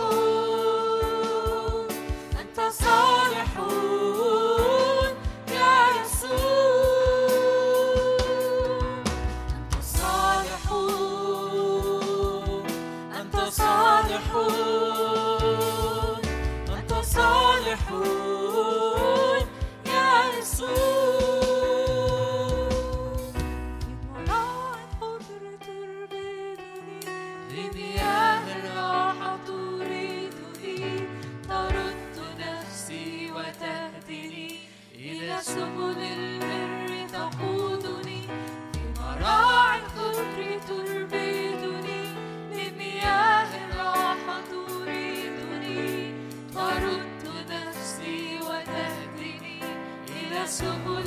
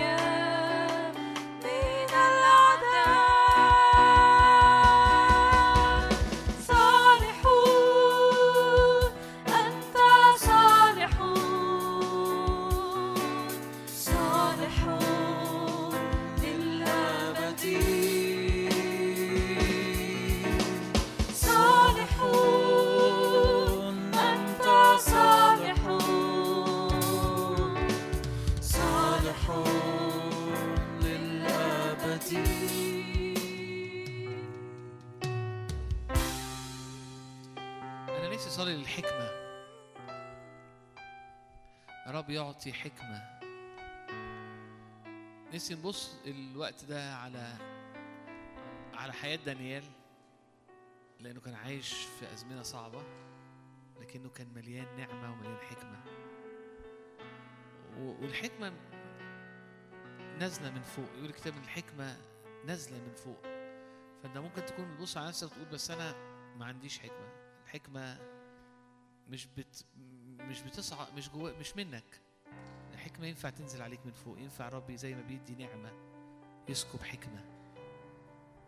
فتلاقي نفسك اتغيرت عمال تزداد في الحكمة وحكمة مش من هنا. وتلاقي نفسك عمال تزداد في النصح روح النصح عمال يستعلن في حياتك. فأنت بقيت عارف تعمل إمتى وإزاي. how when يا رب بنيجي قدامك يا رب نصلي. استعلان يا رب لروح الحكمة والإعلان يا رب. يا رب عشان يا رب تستعلن يا رب تستعلن يا رب طرقك وأمورك يا رب. فنور. ونصلي يا رب استعلان يا رب للروح اللي, اللي أنت أعطيته لينا روح النصح. عشان نعرف يا رب إزاي نعيش إزاي نصير أمورنا. تعالى بفهم تعالى بحكمة. تعالى رب يقول إنه كان له أو كان عنده سحابة آه، آه، روح نيرة روح فاضلة روح الآلهة القدسين. يا رب اشكرك لأجل الروح القدس الروح النير الله نور الروح القدس منير مليان نور هو الروح النير. وهو فاضل أعلى وأسمى. أي حاجة أرضية يا رب تعالى بالروح القدس علينا. تعالى اشعل يا رب نيرانك جوانا تعالى بالروح القدس يا رب علينا أكتر وأكتر. تستعلن حكمة وفهم ونصح على حياتنا. يا رب افتح عينينا يا رب افتح عينينا افتح عينينا لنرى جمالك. يا رب ونتحرك من الرؤية دي. افتح آذاننا لنسمع يا رب صوتك يا رب. فنتحرك يا رب وعي وفهم هللويا. حكمة ليكي كأم حكمة ليك في الشغل حكمة ليك في الحياة. حكمة ليك وحكمة ليكي عشان تصنع الأمور بطريقة مختلفة مش من هنا. تصلي لأجل روح الفرح فرح ترنم وخلاص في خيام الصديقين. لأنه يقول الكتاب كده هو إنه فرح رب هو قوتنا. إنه ثمر الروح القدس فرح. افرحوا في الرب كل حين. وأقول أيضا افرحوا. لا ينزع أحد فرحنا. لا أمور ولا ظروف ولا فرح الروح القدس. أفراح الروح القدس. هللويا.